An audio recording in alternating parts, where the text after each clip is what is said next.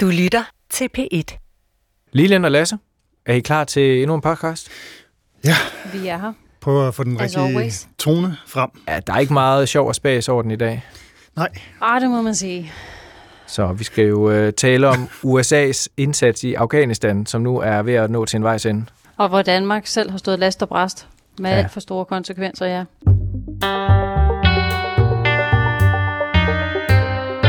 Efter to årtiers krig i Afghanistan trækker USA nu alle sine soldater ud af det krigshærgede land.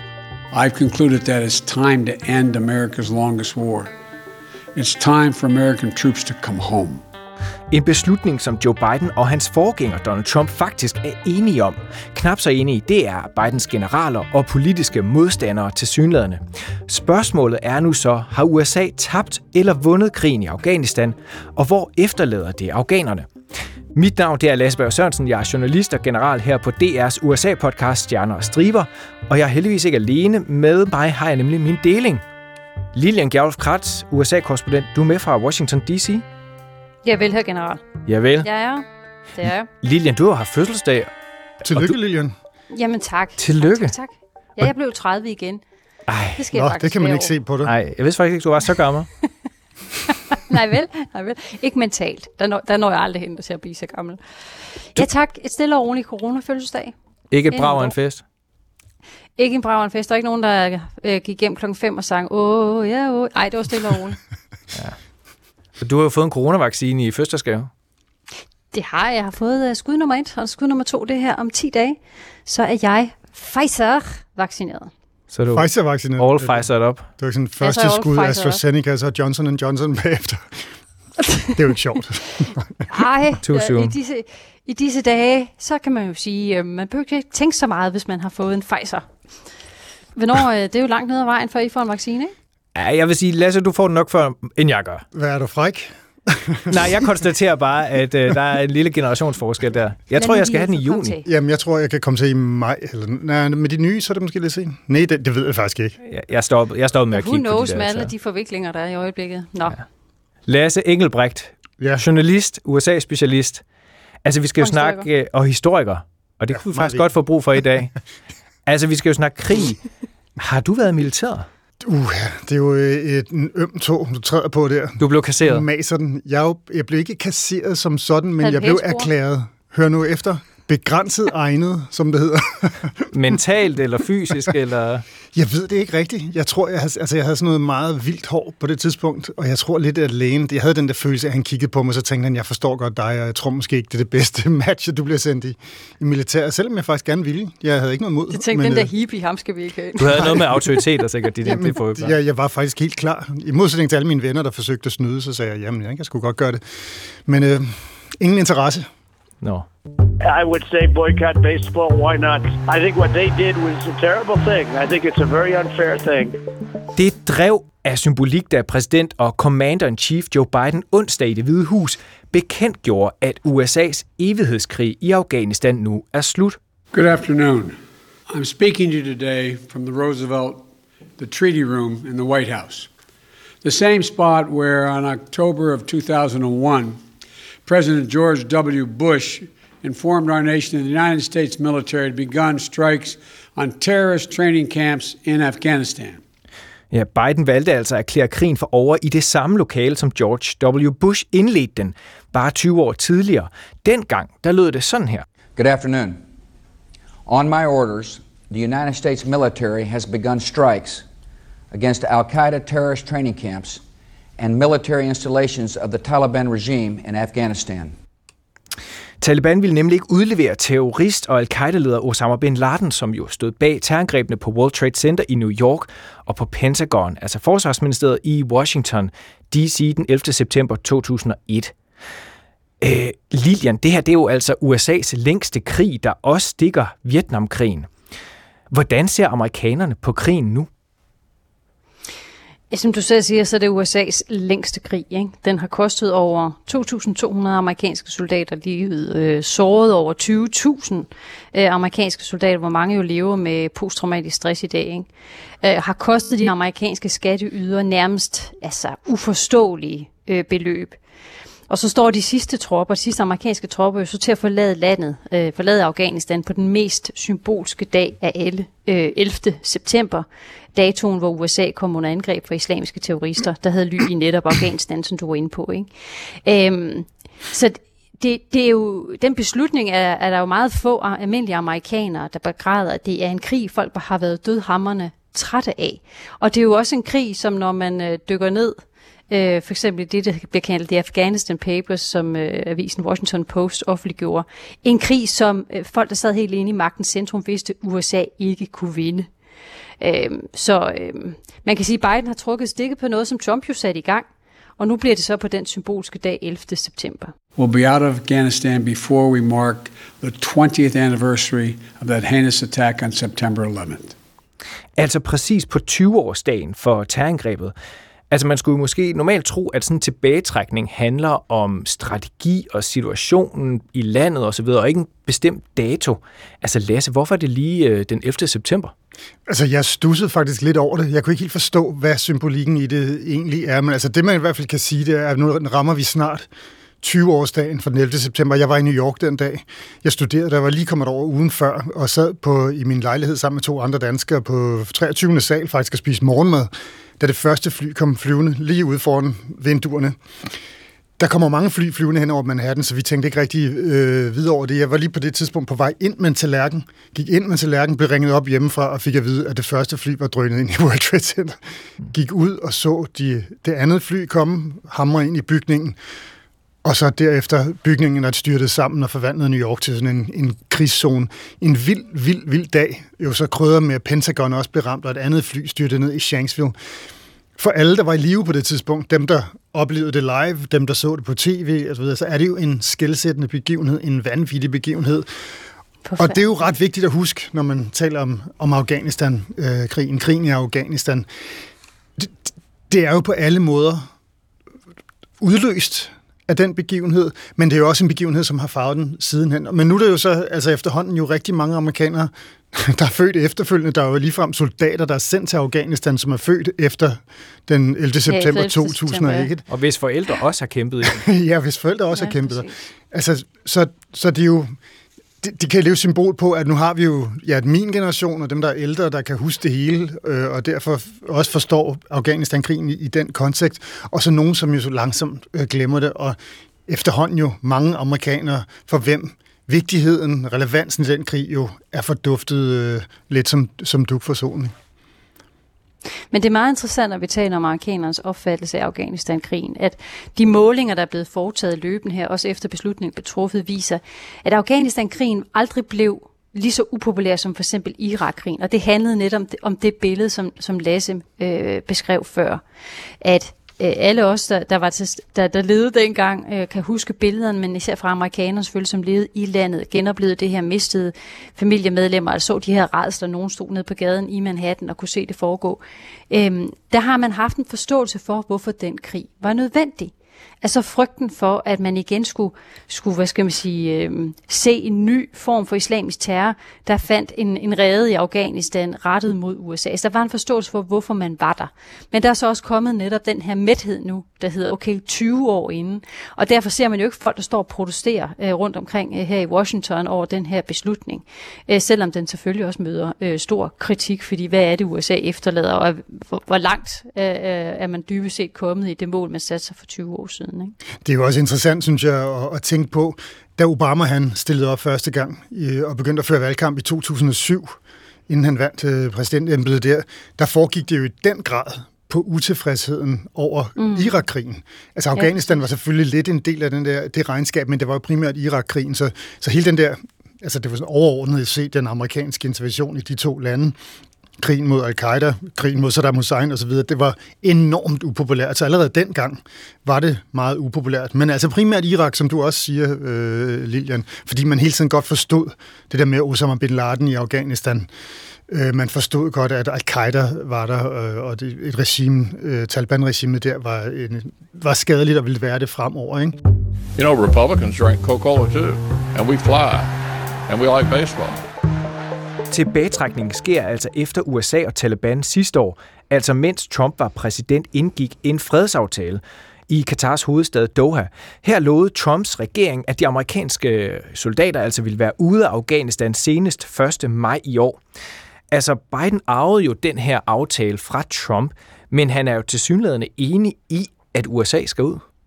Jamen, hvis du ser tilbage på, øh, for eksempel under Obama, der var øh, Biden, der som sad som vicepræsident, bestemt ikke enig i de beslutninger, der blev truffet i Afghanistan. For eksempel, når man gik ind og øgede antallet af tropper, blev ved med at sende soldater afsted til Afghanistan. Øh, hvor Obama jo lyttede til generalerne, der sagde, ja, men det her, det kan vindes just around the next corner den, lige præcis den formulering ved jeg ikke, hvor mange gange amerikanerne har hørt, eller hvor mange gange de amerikanske politikere har hørt. Og nu var jeg indledningsvis ind på det, man kaldte uh, the, the Afghan Papers, og det var jo uh, over 200.000 dokumenter, som avisen Washington Post fik fat i, hvor det jo kom frem, hvordan generaler, øh, højtstående personer i, i Pentagon og hele striben rundt dybest set jo vidste, at det her var en krig, man ikke kunne vinde. Altså man dybest set vildledte amerikanerne, det amerikanske, den amerikanske befolkning, hvor man så citater som, jamen vores strategi er fuld af fatale fejl. Vi, har, vi er fuldstændig blottet for en fundamental forståelse af Afghanistan. Vi vidste ikke, hvad vi lavede, og så videre, og så videre.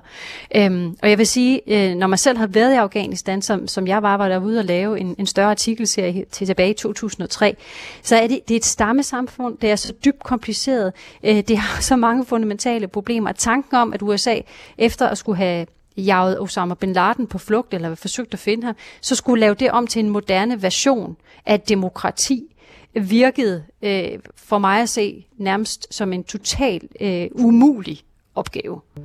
That's a serious question, right? It's acceptable to me. Come on. Det store spørgsmål er jo så, hvad det er for et land, amerikanerne forlader. Vi har brug for assistance, øh, selvom Lilian, du har jo... Øh, du har jo også noget erfaring, men jeg tror at vi kan finde en, der har lidt mere erfaring, øh, nemlig vores Asian-korrespondent, Philip Kokar. Hej Philip. Hej. Goddag. Philip, hvor, øh, hvor er du hen i verden? Jeg er i Shanghai, øh, i min lejlighed i Kina.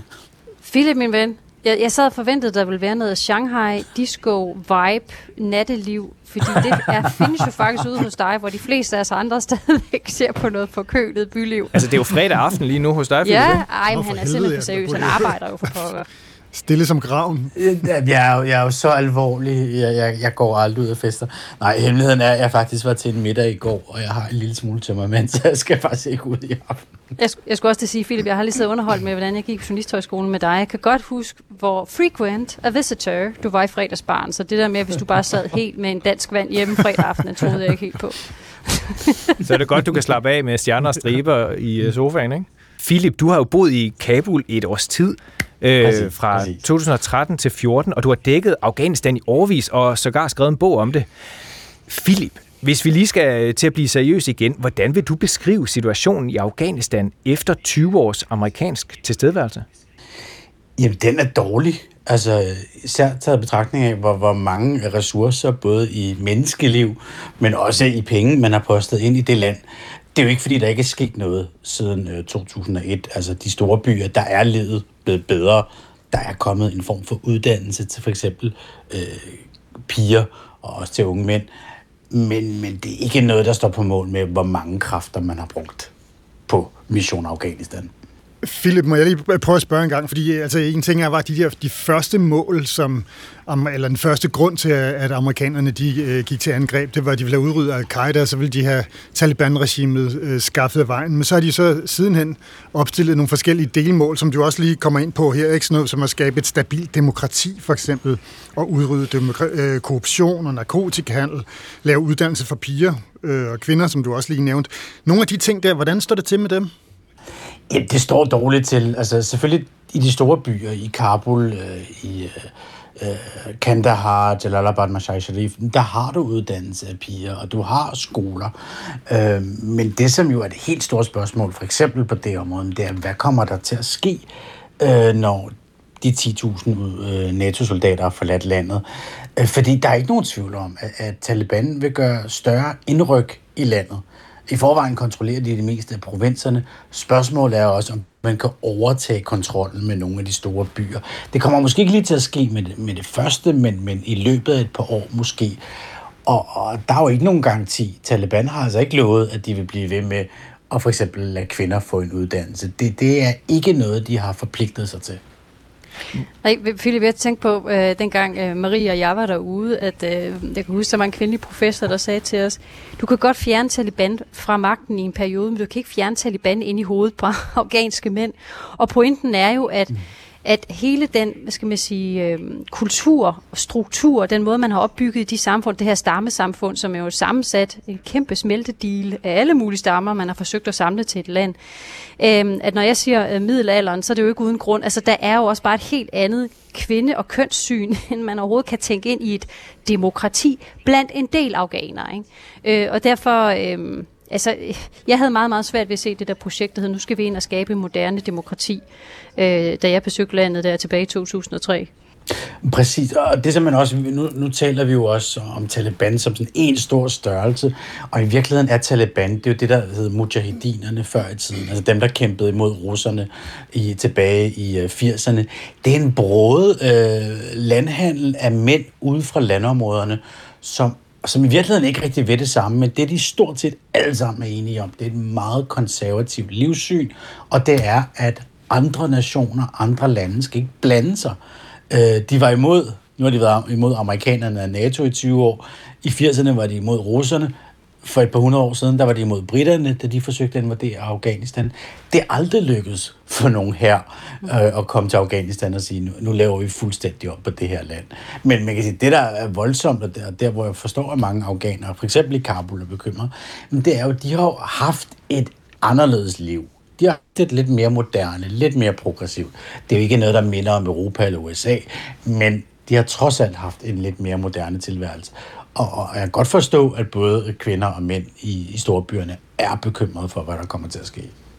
Ja, man kan jo frygte det, der sker der i det øjeblik, at NATO, USA eller andre forlader landet, så forlader intelligensjagen, som de siger. Altså alle de veluddannede afghanere, som jo flygtede, men kom tilbage, øh, da forbedringerne ligesom kom, at det, det samme så sker igen. Og mange af dem, der trækker ressourcerne og har ressourcerne, øh, og måske også forlader landet igen, ikke? Præcis. Og så det, det der også er vigtigt at, at huske på, det er, det her det kommer til at handle om, om den afghanske her, som jo bliver finansieret af NATO. Uden, uden penge fra NATO, så vil den afghanske her slet ikke eksistere.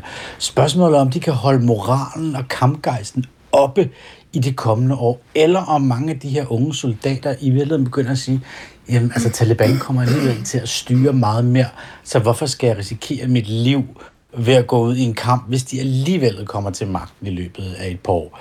Det er ikke fordi, jeg siger, at Taliban nødvendigvis kommer til at overtage hele Afghanistan. Det tror jeg faktisk ikke nødvendigvis, de gør. Men jeg tror, det kommer til at blive et meget mere broet billede, end det vi har i dag. Og jeg kunne godt forestille mig, at de også kommer til at indtage nogle af de større byer. Philip, nu kan vi jo godt lige øh, ikke at være alt for, for triste her på den her podcast. Kunne vi ikke lukke dig til at... Og, og, ja, undskyld, jeg er så pessimistisk. det er helt i orden. Seriøs journalist. Men hvis vi lige skal... Er der et eller andet positivt? Altså, hvad er det sådan det mest positive, du kan pege på, når du ser på Afghanistans tilstand nu her, hvor amerikanerne er på vej ud? Jamen, så skulle det da være, at, at øh, der er kommet øh, uddannelse for børn. Det er ikke verdens bedste skoler, de går i, men der er kommet et uddannelsessystem for langt de fleste børn. De kommer i skole. Øh, de har adgang til basale sundhedsydelser, og man kan sige, at meget af det her vil nok også blive ved, også selvom Taliban måske faktisk kommer mere til magten, fordi Taliban har også en interesse i, og det, det siger de sådan set også selv, at Afghanistan ikke bliver lige så ludfattigt og isoleret et land, som det var tilbage i 90'erne. De fleste forventer faktisk, at Taliban stadigvæk, måske for eksempel vil lade FN og NGO'er arbejde til en vis grad i landet. Så jeg tror ikke, det bliver lige så isoleret, som det var før øh, invasionen i 2001. Puha, det er ret at høre. Ja. ja. Jeg tror, der er mange kvinder, der går og er rimelig, skal man sige, bekymret for, at de skal til at finde burkaen frem igen lukkes ind i et teltfængsel. Nå, Præcis. ja, nu.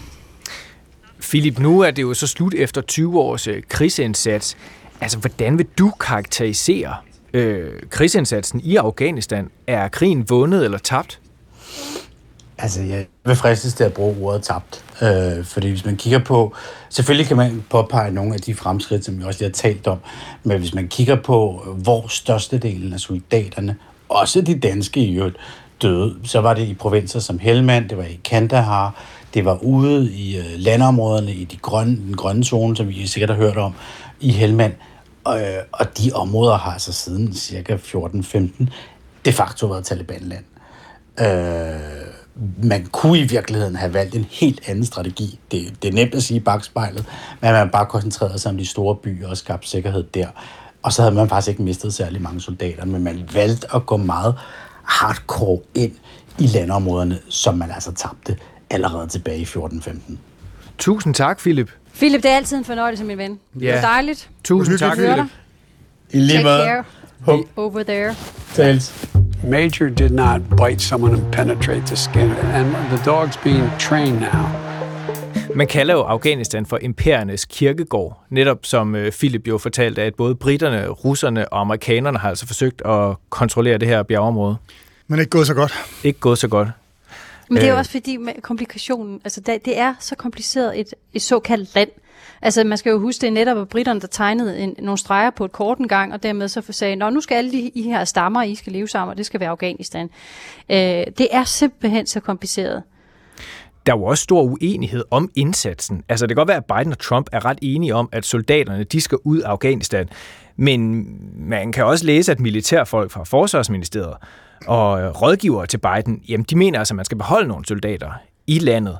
Øh, eller i hvert fald gøre den her tilbagetrækning betinget af situationen i landet, og ikke bare fastlået på en dato 11. september. Øh, heller ikke hos republikanerne bakker man Bidens plan op. Ifølge mindretalsleder i senatet, Mitch McConnell, som vi jo har snakket en del om her i podcasten, ja, så er tilbagetrækning en foræring til fjenden, siger han. Apparently, we're to help our adversaries ring in the anniversary of the 9 11 attacks by gift wrapping the country and handing it right back to them. Der er også kritik fra Liz Cheney. Hun er jo datter af Bushes vicepræsident, dengang at amerikanerne gik ind i Afghanistan. It's a really reckless uh, decision, and uh, I think that you know uh, you don't end wars by announcing that you're leaving. Uh, what you you do is you cede the ground uh, to your enemy. Altså, hvem støtter så Biden og hans beslutning øh, i Washington? Altså, skal, vi kan jo starte med, med republikanerne. Støtten får han jo blandt andet fra Trumps følgere, altså de ultraliberalister ude på, øh, nu ved jeg ikke engang, hvilken fløj jeg skal kalde det for, altså vi kan kalde det det yderste højre, men nogle af dem, det virker nærmest som om, de er på det yderste venstre, men altså ude på den yderste fløj, ude i Trump-segmentet, der er man jo imod, at amerikanerne skal bruge ressourcer i verden på noget som helst andet end deres fuldstændig suveræne egne interesser. Så på den måde, så er de jo i hvert fald glade, men jo mere, jo længere ind mod midten man kommer, jo i højere grad ser man jo lige så stille øh, kritikken af det, der foregår. Det er jo egentlig lidt det samme i det demokratiske parti. Altså ude på fløjen, der finder du øh, Bernie Sanders, Elizabeth Warren, som nogle af dem, der er virkelig glade nu for, for det, der sker. Men når du kommer ind mod midten, finder du de kritiske stemmer, selvom der er rigtig få af dem øh, i det demokratiske parti. Men altså, jeg tror, at der er jo ingen politisk øh, risiko, som vidt jeg lige kan se det her øh, for Biden i, i at gøre det her, medmindre det hele springer i luften om ørerne på ham, og der kommer et terrorangreb øh, udført af nogen, Præcis. der har direkte kontakt øh, til, til Afghanistan, så er vi pludselig i en helt anden situation. Ikke? Og når du netop nævner øh, Mitch McConnell, som taler om, jamen her står vi nærmest og pakker øh, Afghanistan ind i et flot gavepapir med en rød sløjfe på, og giver det tilbage til dem, vi forsøgte at bekæmpe, altså Taliban, øh, på selve årsdagen. Og så er vi tilbage ved 11. september og symbolikken i den. Altså hvorfor man valgte lige præcis den dag, fordi hos kritikerne, der har man i hvert fald den, giver det dem den diametrale modsatte opfattelse af, hvorfor i verden går man ind netop og bruger den her forfærdelige dag som dagen, hvor man så overdrager, eller rettere sagt forlader landet, og i deres øjne dybest set overdrager magten tilbage øh, til Taliban. Øhm, øh, Øh, og så vil jeg sige, der er jo også, der er også polit, politik i det her, fordi alt er afhængig af, øh, hvis du spoler nogle måneder tilbage, og så så for eksempel Chuck Schumer, som nu er flertalsleder i senatet, dybt kritisk over, øh, over for øh, Trumps beslutning om at trække sig ud. Nu er han ude at rose Biden, og så siger han, jamen nu er det jo fordi, at der er en, der er en plan, en tiltænkt plan, i stedet for at man bare vågner op om morgenen og siger, nu trækker vi os ud af Afghanistan. Jamen det her, det er jo samarbejdet med, med Pentagon, og vi har en, kø, en klar køreplan frem mod september osv. osv. So, after sinking two decades of blood and treasure into wars in the Middle East, it's time to bring our troops home. America does not need to fight forever wars. I applaud President Biden's decision. altså, pointen er, så vidt jeg er orienteret, nu, nu skal der være fredsaftaler mellem, øh, øh, mellem Taliban og den afghanske regering i Tyrkiet her fra 24. april og frem til 4. maj, hvor man ligesom har lagt pres på, at der skal der være en aftale for, at den her øh, retreat, den kommer til at ske uanset eller hvad, ud, men, men at USA vil lægge maksimal pres for, at man når en aftale. Ikke? Øh, så det vi, er vi er ude i en, når vi taler om endless wars, så er vi også ude i en endless discussion om, hvornår vil det være rigtigt at trække sig ud, og hvad skal der være tilbage, hvordan vil USA stadigvæk forsøge at have en eller anden form for påvirkning i landet. Øh, Ja, men altså når man har fulgt det her over 20 år, så bliver man også en lille smule træt, fordi det netop bare virker, virker som en, en situation, hvor der ikke er den rigtige løsning. Det bliver altså også lidt sjovt at se den 11. september, øh, den kommende september, hvor vi, når vi når de 20 år jubilæum ja. for terrorangrebet. Hvilke billeder, der vinder dagsordenen den dag? Fordi på den ene side, så har du Okay, det er 20 år siden, at 3.000 mennesker mistede livet midt i New York og i Washington de billeder bliver store. Der bliver alle mulige kæmpestore øh, transmissioner og mindetaler og det ene og det andet. På den anden side, så vil det helt sikkert også blive skabt ikoniske billeder af amerikanske soldater, der forlader Afghanistan. Så journalisterne vil stå på hovedet af hinanden for at få det bedste billede af den sidste amerikanske soldat, der træder ud. Og hvordan spiller de to billeder sammen? Det er virkelig et, øh, det, det er et besynderligt miskmask, som på mange måder jo også symboliserer, hvordan den her krig den er, er forløbet. Ikke? Vi må vente og se, hvad der sker om Biden når at opfylde sit, øh, sit løfte. Jo, hvad der kommer til at ske den kommende tid, som Lasse sagde, altså det her med, når vi taler politik og frem mod øh, midtvejsvalg og næste præsidentvalg, altså hvad kommer der til at ske, og vil, U- vil USA stå over for en ny terrortrussel? Og det er jo det, republikanerne frygter, det er, at nu åbner vi en ny terroristrede. Vi har ikke styr på, hvem Taliban byder indenfor, hvem der gemmer sig i hulerne rundt omkring, øh, og hvad kan der så være på vej om nogle år mod USA? Og det er jo, det er jo frygten, og det er da en legitim frygt. Det er næppe det sidste, vi kommer til at snakke om Afghanistan og USA. Det er helt sikkert ikke. Ja. Det er det helt sikkert Imperiernes ikke. kirkegård. ja. Imperiernes kirkegård. Ja, det er dun, dun, dun. Meget malerisk. Det var sørge med en hyggelig samtale. Ja, jeg tror, det er lige til at gå på weekend. En lille, en på en eller lidt sjovere næste gang. Ja, det er lige mellem... Er der ikke nogen, der kender en opskrift på en afghansk drink? Oh, nej, der er jo ikke så meget alkohol på de kanter. det bliver lidt... Godt, Lilian. Var det noget, du lærte, da du var derovre? Eller? stærk te. noget stærk te. Vi tager Nå. noget stærk te. God weekend alligevel. Ja, god weekend god alligevel. God weekend alligevel. Vi snakkes. Vi snakkes. Det gør vi. Hej hey, venner.